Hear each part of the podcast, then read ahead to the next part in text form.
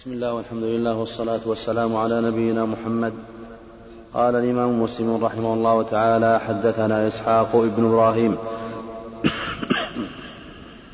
قال أخبرنا عبد العزيز بن محمد قال حدثني يزيد بن عبد الله بن أسامة بن الهاد حاء وحدثني محمد بن أبي عمر المكي واللفظ له قال حدثنا عبد العزيز عن يزيد عن يزيد عن محمد بن إبراهيم عن أبي سلمة بن عبد الرحمن أنه قال سألت عائشة زوج النبي صلى الله عليه وسلم كم صد كم كان صداق رسول الله صلى الله عليه وسلم؟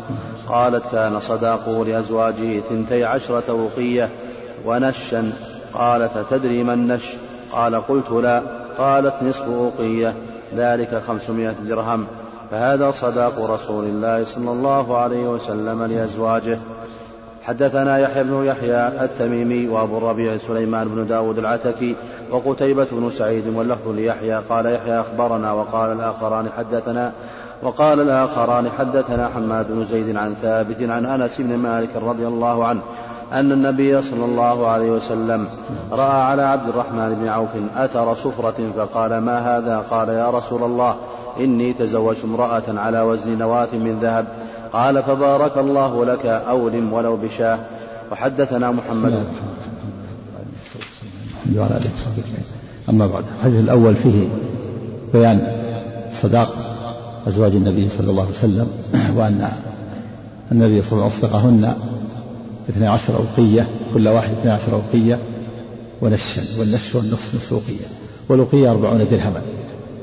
فيكون المجموع اثني عشر أوقية ثمانون وثمانين وأربعمائة. أربعمائة وثمانين أوقية والنش نصف أوقية عشرون درهما فيكون خمسمائة درهم. وهي تعادل مئة ريال قليل. وزيادة شيء قليل. فهذا يدل على التخفيف. تخفيف في الصداق. وأما بنات النبي صلى الله عليه وسلم فإنهن لم يزدن على أربعمائة أوقية بناته أربعمائة أوقية وزوجاته خمسمائة أوقية وهي تعادل مائة ريال وهذا ليس بشيء يعني ولكن من المعلوم أن الأسعار في ذلك رخيصة الأثمان رخيصة. عمرها البالغ أعطاه النبي صلى الله عليه وسلم درهما يشتري به شاة فاشترى شاتين بدرهم وباع إحداهما بدرهم وأتاه بشاة ودرهم. إذا كانت الشاة ثمنها درهم يدل على الأسعار رخيصة. ولكن 500 درهم لا تساوي شيء في زماننا لكن لكن ينبغي الإنسان أن يخفف ينبغي التخفيف. على المسلم أن يخففه تخفيفا مناسبا للوقت وللزمان. وهذا يختلف باختلاف الأحوال والأزمنة والأمكنة. وأما حديث عبد الرحمن بن عوف فيه أنه تزوج ورأى عليه النبي صلى الله عليه وسلم صفرة.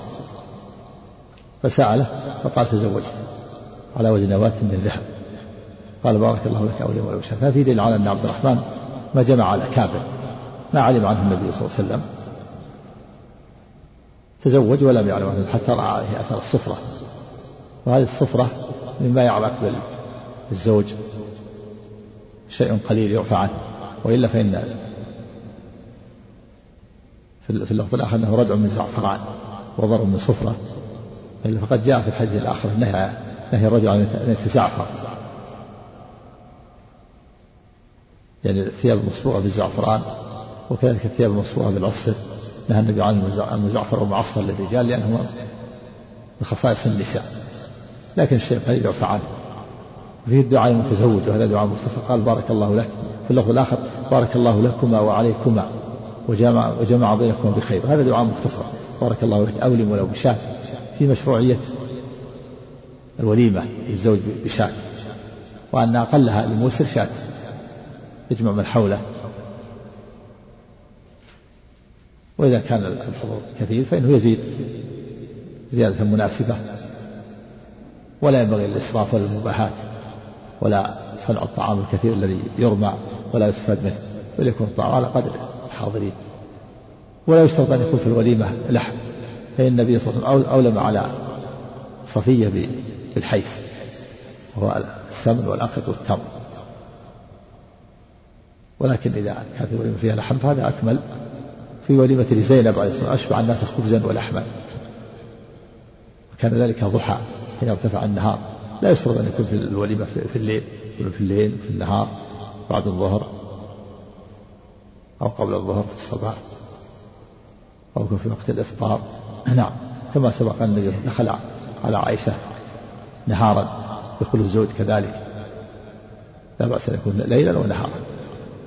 كما دخل النبي صلى الله عليه وسلم النبي صلى الله عليه وسلم دخل على عائشة نهارا. نعم. الصداق لا بد منه. لا بد من الصداق. شيء لا بد منه. قال أن تبتغوا بأموالكم. فإن عدم الصداق فإنه يكون الصداق بالمنفعة. كما في قصة الرجل الذي لم يجد ولا خاتم من حديد جعل صداقة أن يعلمها يحفظها سور من القرآن. إذا لم يكن عنده شيء يكون بالمنفعة يحفظها سور من القرآن أو بيت شعرية أو يعلمها الخياطة. هذه منفعة. في قصة موسى عليه الصلاة والسلام مع الرجل الصالح قال إني أريد أن أنكحك إحدى ابنتي هاتين قال أن تأجرني ثمانية حجج. فإن أتممت عشرا فمن عندك. جعل الصداق راعي الغنم. ثمان سنين منفعة. فيكون الصداق منفعة إذا والأصل أن يكون المال. فإذا لم يجد مالا كان منفعة. قال فأن تبتغوا بأموالكم. لا بد من الصداق. نعم. شيء. لا. ما أصابه نعم. زوجته. شيء غير مقصود. نعم. ها؟ سنة سنة مؤكدة. عند أهل العلم سنة مؤكدة. ولو قيل بوجوبها لكان لكان متجها لأن الأصل الأوامر في الأوامر الأصل الوجوب. النبي صلى الله عليه وسلم قال أولم ولو بشاة نعم. هي سنة مؤكدة. نعم.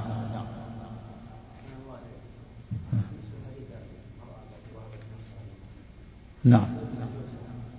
هذه خصائص من خصائص النبي صلى الله عليه وسلم؟ هذا من خصائصه.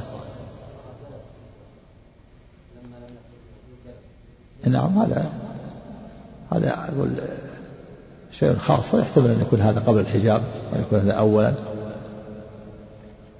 أن جلست مع كونها متسترة وليس هناك خلوة. لا محذور فيه الحاجة. نعم.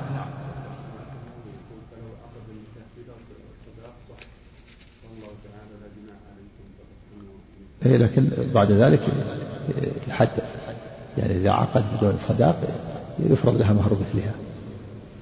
يعني حين العقد الأفضل أن يسمى الصداق.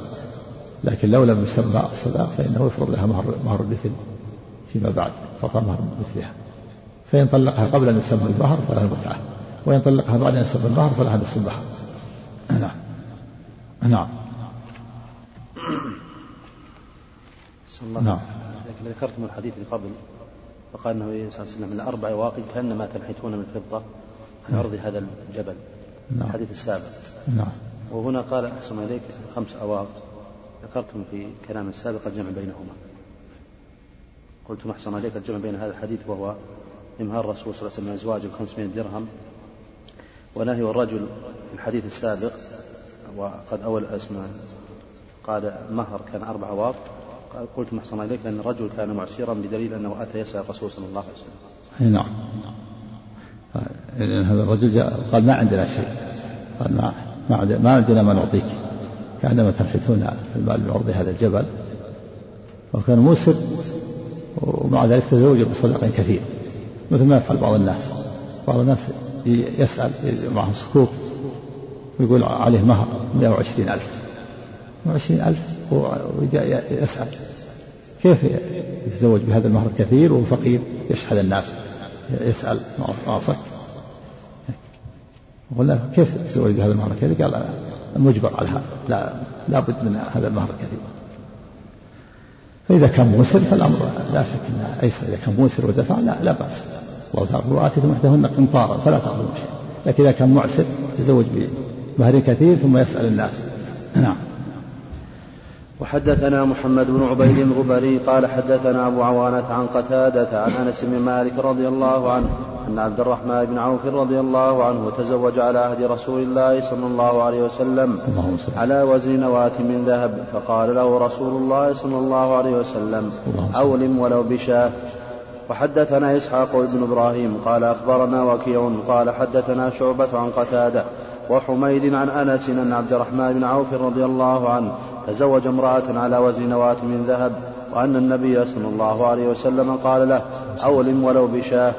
وحدثنا محمد مثنى قال حدثنا أبو داود حاء وحدثنا محمد بن رافع وهارون بن عبد الله قال حدثنا وهب بن جرير حاء وحدثنا أحمد بن خراش قال حدثنا شبابة شبابة كلهم عن شعبة عن حميد بهذا الإسناد غير أن في حديث وهب قال عبد الرحمن تزوجت امرأة وحدثنا إسحاق بن إبراهيم ومحمد بن قدامة قال أخبرنا النضر بن شميل قال حدثنا شعبة قال حدثنا قال حدثنا عبد العزيز بن صهيب قال سمعت أنس رضي الله عنه يقول قال عبد الرحمن بن عوف رضي الله عنه رآني رسول الله صلى الله عليه وسلم وعلي بشاشة العرس فقلت, تزو فقلت تزوجت امرأة من الأنصار فقال كم أصدقتها؟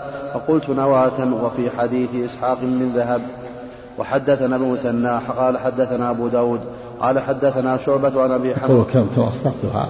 يعني يدل على أن الصداق متفرغ لا بد من الصداق ولهذا سأل كم أصدقتها. هذا ما يزيل الوهم انه انه يجوز بلا صداق إنه قال كم أصدقتها؟ يعني الصداق لا بد منه نعم.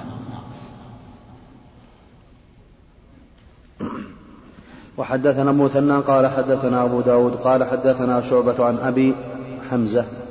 نعم. عن أبي حمزة قال شعبة واسمه عبد الرحمن بن أبي عبد الله.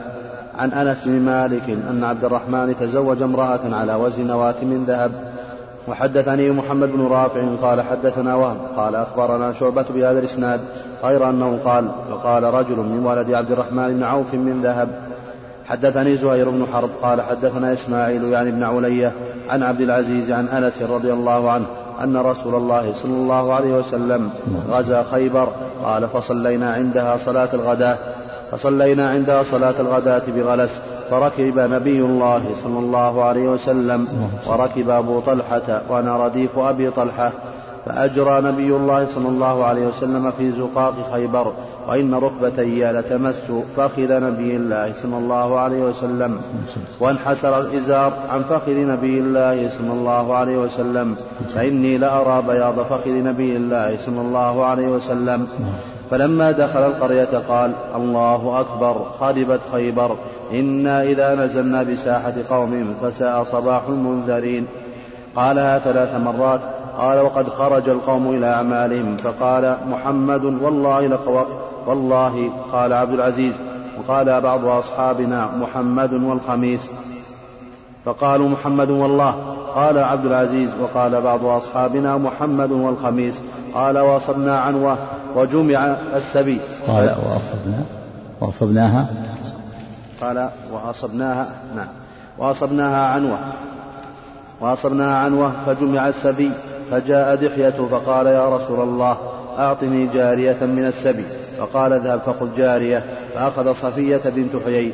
فجاء رجل إلى نبي الله صلى الله عليه وسلم فقال يا نبي الله أعطيت دحية صفية بنت حيي.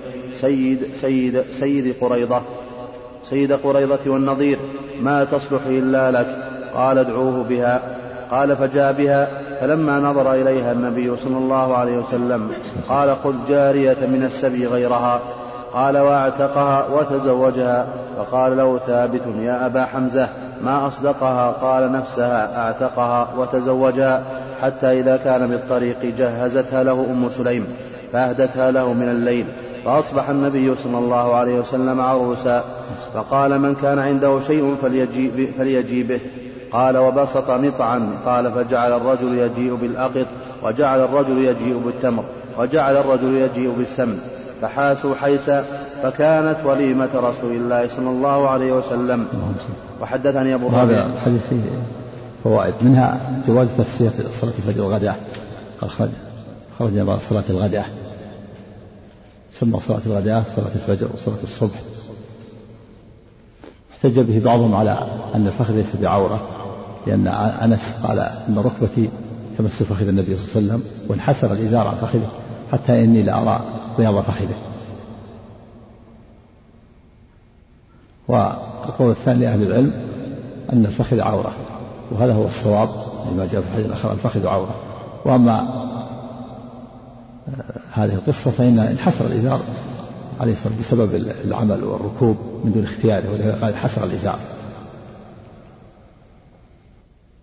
ثم أيضا هذه قضية قضية عين يعني كون الذي كشف فخذ هذا من فعله. وقول وقوله الفخذ عورة من القول القول مقدم. ثم أيضا رواية كشف الفخذ إنما هي من صغار الصحابة كأنس وجرهد. بخلاف الفخذ الفخذ عورة فإنه هو كبار الصحابة. فالصوب أن الفخذ عورة. وأما هذا الكشف فإنما هو بسبب العمل حصر الإزار بدون اختياره. وفي جواز الإركاب على الدابة فإن أنس أردفه أبو طلحة الدفع على الدابة. وقوله صلى الله عليه وسلم إن خربت خيبر يعني خربت على أهلها. وفتحت للمسلمين. خربت خربت خيبر على أهلها وفتحت للمسلمين. وفيه جواز الإغارة على العدو من دون سابق إنذار من دون دعوتهم بالقتال إذا بلغتهم الدعوة. لأن اليهود بلغتهم الدعوة بلغهم الدعوة مرات فلما لم يستجيبوا أغار عليهم. أما إذا لم تبلغهم الدعوة فلا بد من إبلاغهم الدعوة أولا. ولهذا كان النبي صلى الله عليه وسلم إذا أغار على قوم نزل قريبا منهم فإن سمع أذانا وإلا أغار عليه. وفي بعض حصون خيبر أمر النبي صلى الله عليه وسلم علي بن أبي طالب أن يبلغهم الدعوة قال ثم ادعهم إلى الإسلام أولا. وفي بعض حصونها كهذا الحصن ما في أنه بلغهم الدعوة غار عليهم صبح الصبح. فلما ضغتهم وقد خرجوا كما في اللفظ الآخر بمساحيهم ومكاتلهم ودوابهم انتشروا للأعمال. فلم يرعهم إلا النبي صلى الله عليه وسلم فجاءهم فقالوا محمد والخميس محمد والخميس والجيش يعني. خميس الجيش محمد والجيش. فجاءهم النبي صلى الله عليه وسلم لأنه بلغتهم الدعوة. ففتحها عنوة يعني فتح في ليل عن خيبر فتحت عنوة يعني ليست صلحا بالقوة لكن في بعض حصونها فتحت صلحا. خيبر حصون متعددة. هذا الحصن فتح عنوة بالقوة. وبعض حصونها فتحت صلحا.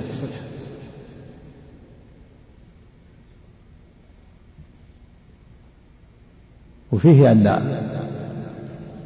ما سبي من الكفار من من النساء فإنها تكون غنائم المسلمين وتوزع على الجيش تكون سبايا.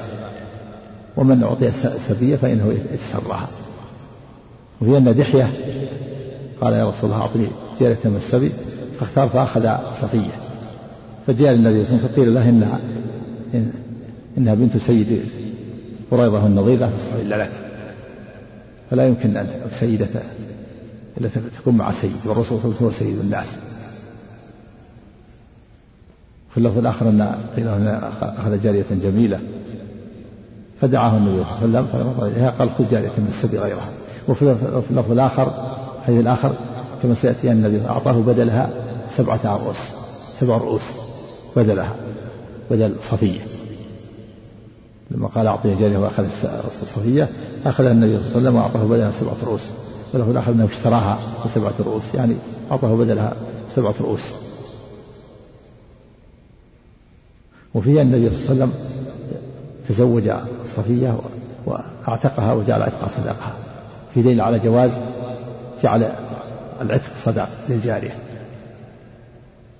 يقول أعتقتك وجعلت عتقك صداقك عقد فتعتق تكون حرة وتكون زوجة. هذا هو الصواب. ذهب بعض العلماء إلى أنه لا يكون العتق صداقا لها. ذكر النووي في هذا عن الشافعية أن أن النبي صلى الله عليه وسلم تزوجها بدون مهر وهذا من خصائصه. و قال بعضهم إنها اعتقها ثم رضيت تزوجها. وقيل إن إنها إن تزوجها بشيء مجهول. كل هذا خلاف ظاهر الحديث. الصواب أن النبي صلى الله عليه وسلم تزوجها وجعل اعتقها وجعل عتقها صدقة. كما فعلت أم سليم. فإن أبا طلحة خطبها قبل أن يسلم. خلاف ظاهر الحديث. الصواب أن النبي صلى الله عليه وسلم تزوجها وجعل اعتقها وجعل عتقها صدقة. كما فعلت أم سليم. فإن أبا طلحة خطبها قبل أن يسلم فقالت له أم سليم يا أبا طلحة ما مثلك يرد ولكنك رجل كافر وأنا مسلمة فإن أسلمت فهو صدقة. فأسلم. فأسلم كان إسلامه صداقة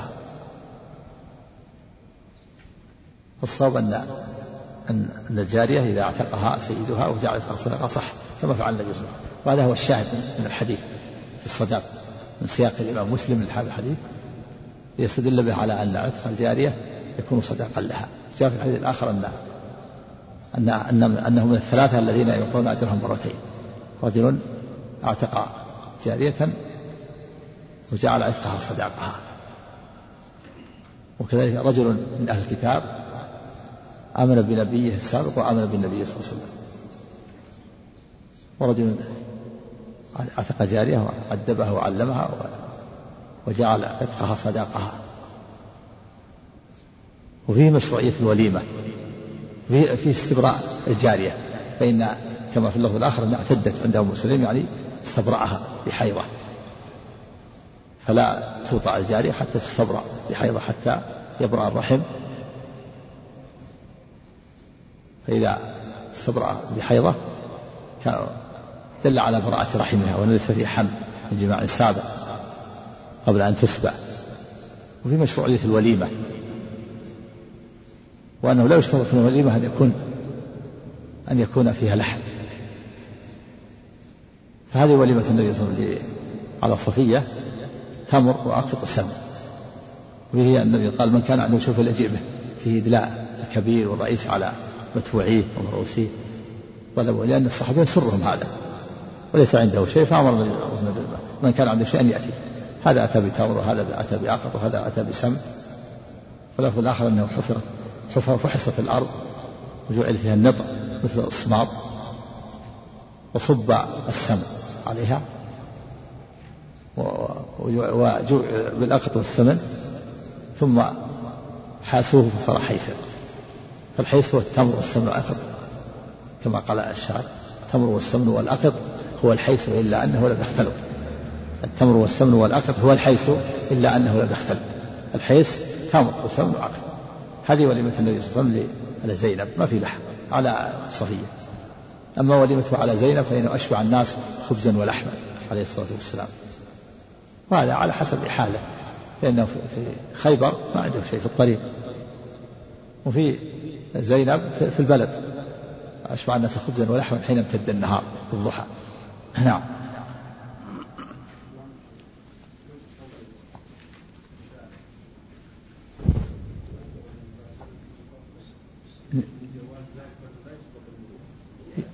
يعني كونه يسرع يجري الخيل في شوارع خيبر يسرع يركض يعني يسرع ما يسقط المروءة هذا لأن هذا في الجهاد. يعني ما يعتبر من اللهو الذي يسقط فيه المروءة مثل بعض الناس لو يركب في الشارع يسقط المروءة.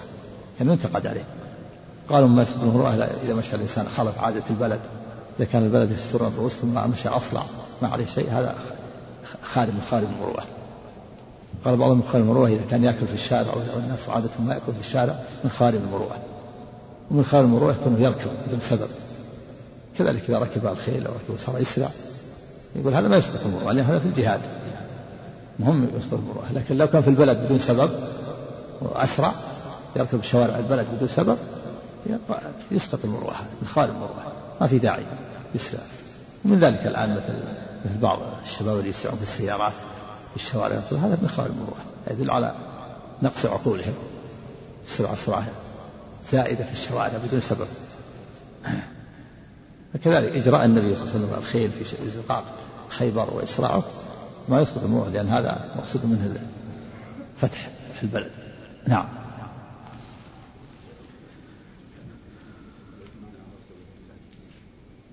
لا هذا الصواب انها ان انه دعا عن ركبتيه. في قصة أبي بكر أنه جاء وقد كشف عن ركبتيه. كذلك أيضا في هذه القصة أيضا. تضم إلى هذا. يعني قضية عين نعم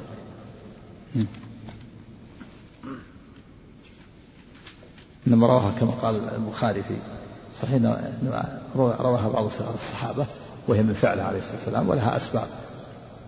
وأما قول الفخذ عورة فهذا من قوله رواه كبار الصحابة. نعم. وحدثني أبو الربيع الزهراني قال حدثنا حماد يعني بن زياد عن ثابت بن عبد العزيز بن صهيب عن أنس.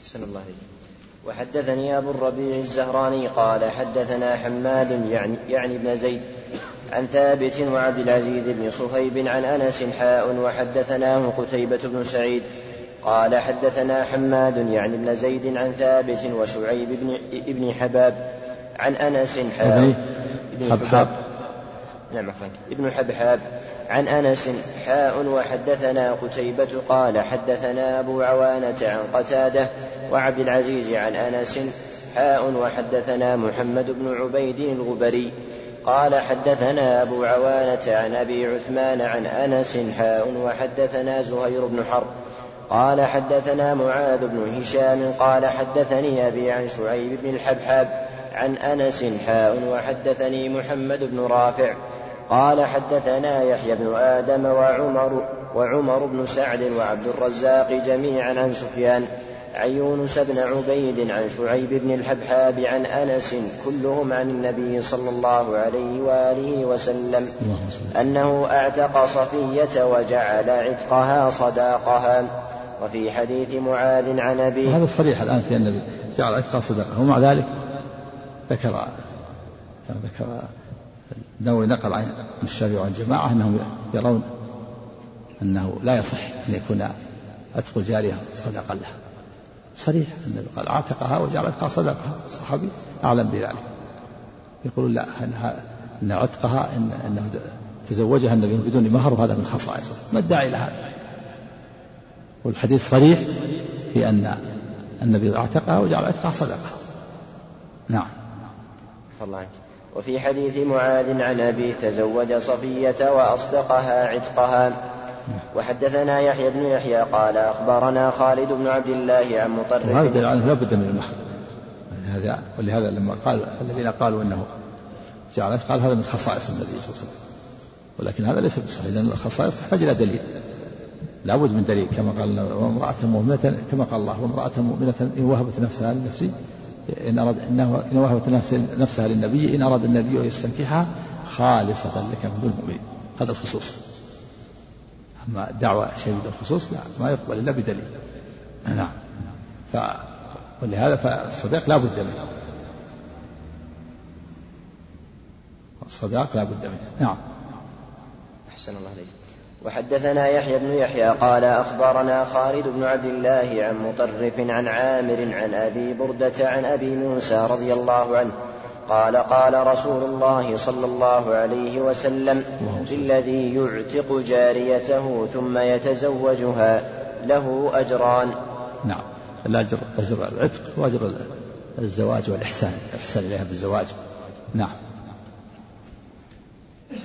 أحسن الله عليك حدثنا أبو بكر بن أبي شيبة قال هذا أيضا صريح في أنه يجوز جعل العتق صلاة حيث جعله جعل له أجرا جعل له أجرين.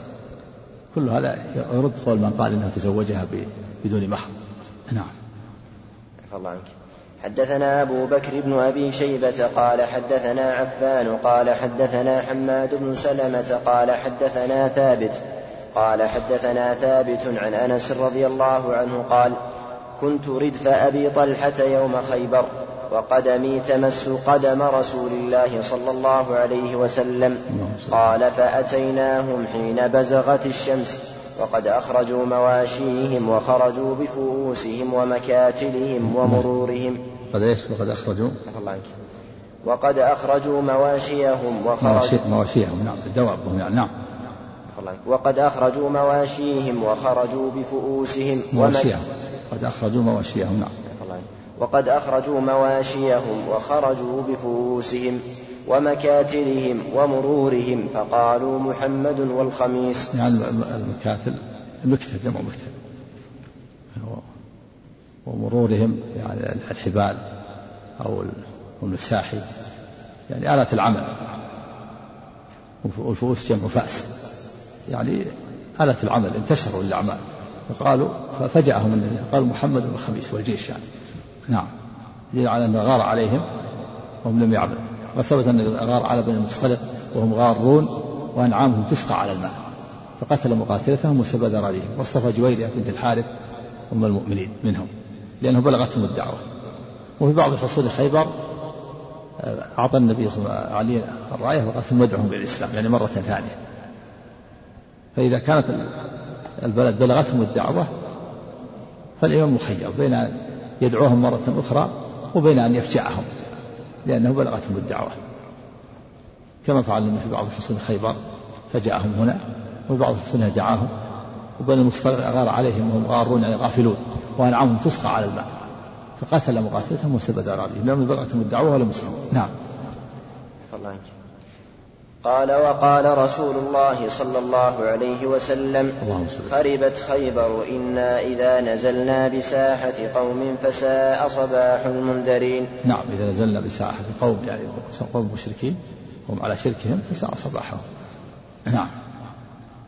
قال وهزمهم الله عز وجل ووقعت في سهم دحية جارية جميلة. فاشتراها رسول الله صلى الله عليه وسلم بسبعة أرؤس يسمى الشراء في اللفظ الآخر أنه أعطاه بدلها بسبعة أرؤس نعم. تطيبا لخاطره. نعم.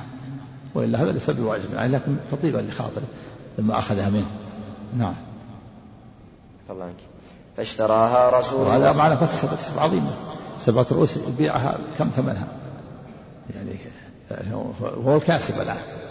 وإذا تكون جارية إذا كان ثمن الجارية ألف وأخذ سبعة صار سبعة آلاف.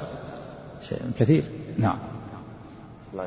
فاشتراها رسول الله صلى الله عليه وسلم بسبعة أرؤس ثم دفعها إلى أم سليم تصنعها له وتهيئها.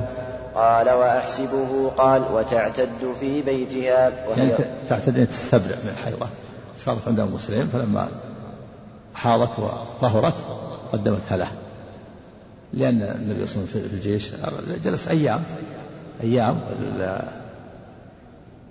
كان على على على الإبل وعلى الخيل. وهو مثل السيارات الآن ساعة من المدينة إلى خيبر ساعة ويعني وقال أيام. ثم أيضا الجيش جلسوا في حول خيبر أيام وفي الطريق أيام.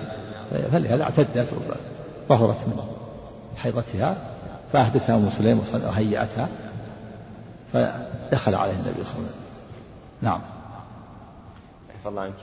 وأحسبه قال وتعتد في بيتها وهي صفية بنت حيي قال وجعل رسول الله صلى الله عليه وسلم وليمتها التمر والإقط والسمن فحصت الأرض أفاحيص وجيء بالأنطاع فوضعت فيها وجيء بالإقط والسمن فشبع الناس.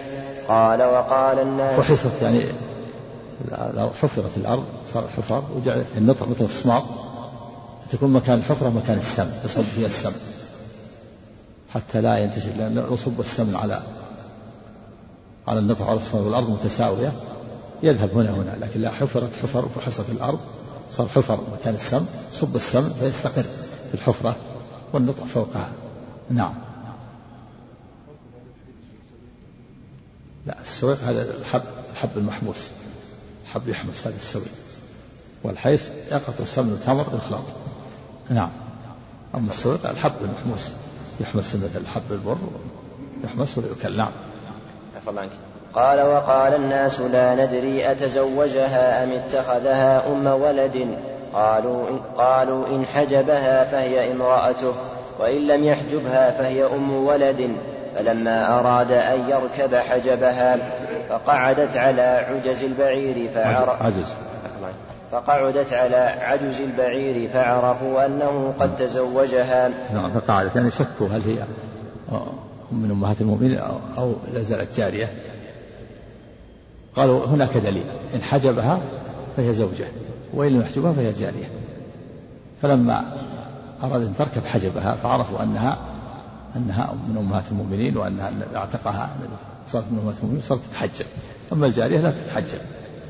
الجارية يجب عليها الحجاب إلا إذا كانت جميلة وخيفة الفتنة. لكن الجارية إنما الحجاب يجب على الحرة. نعم. أما الأمة التي تباع وتشترى هي شيء من المال. تباع وتشترى فلا تتحجب ولهذا تعرض في في أسواق في أسواق العبيد وينظر إليها المشتري تأملها إذا كانت مناسبة اشتراها. نعم. أما الحرة فإنها تتحجب. نعم. ولا شك الصحابة هل هي هل تسراها النبي صلى الله عليه وسلم فجاء فتكون أم ولد أو آه، إنه اعتقها فتكون حرة فتكون من أمهات المؤمنين. فلما حجبها عرفوا أنها من أمهات المؤمنين وأنها حرة. نعم. أحسن الله فلما دنوا من المدينة دفع رسول الله صلى الله عليه وسلم ودفعنا. قال فعثرت الناقة فعثرت الناقة العظام وندر رسول الله صلى الله عليه وسلم وندرت فقام فسترها. وقد أشرفت النساء فقلن أبعد الله اليهودية. قال قلت يا أبا حمزة أوقع رسول الله صلى الله عليه وسلم. قال إي والله لقد وقع. قال أنس وشهدت وليمة زينب فأشبع الناس خبزا ولحما وكان يبعثني فأدعو الناس فلما فرغ قام وتبعته فتخلف رجلان استأنس بهما الحديث. استأنس بهما الحديث لم يخرجا فجعل يمر على نسائه فيسلم على كل واحدة منهن. سلام عليكم كيف أنتم يا أهل البيت؟ فيقولون بخير يا رسول الله. كيف وجدت أهلك؟ فيقول بخير. فلما فرغ رجع ورجعت معه.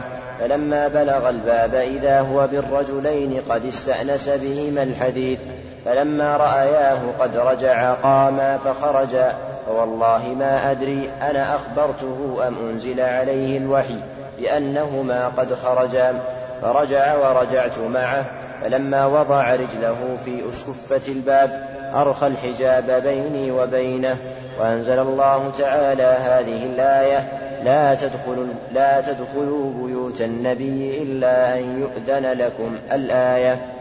نعم هذا في في هذه القصة قصة زي آه، صفية أنهم لما قربوا من البلد عثرت الدابة جاء في اللفظ الآخر أنه الحديث الآخر أن قال لما قربوا من المدينة هششنا اشتقنا إليها فأسرعنا.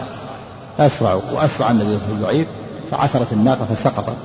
عثرت الناقة فسقط النبي صلى الله عليه وسلم وسقطت صفية. ثم آه، جاء قام النبي وهو سترها وجاء إليه الصحابة فقال لم نضر. يعني ما أصابنا شيء لم نضر. ففي اللفظ الآخر جاء أبو أبو طلحة وقال هل هل أصابك شيء يا رسول الله؟ بأبي فقال لم نضر عليك عليك بالمرأة. فسترها من خلفه فإليه من الخلف. وفي دليل على أن النبي صلى الله عليه وسلم بشر يصيبه ما يصيب الناس. من السقوط يسقط من الدابة والأمراض والآلام والموت. ليس إلها ولا ولا ربا. ولكنه نبي كريم عليه والسلام بشر يصيبه ما يصيب البشر.